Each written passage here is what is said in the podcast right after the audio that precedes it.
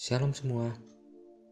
Orang yang berani hidup dalam kesederhanaan adalah orang yang sudah selesai dengan dirinya sendiri. Lalu, kesederhanaan itu apa sih? Kesederhanaan berbicara mengenai kepatutan.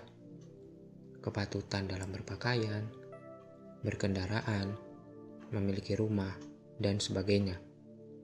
Jadi, kesederhanaan dimulai dari sikap hati, yaitu sikap hati yang tidak mencari hormat atau penilaian manusia, dengan kesediaan diri untuk menjadi berkat agar hidup kita memancarkan pribadi Kristus.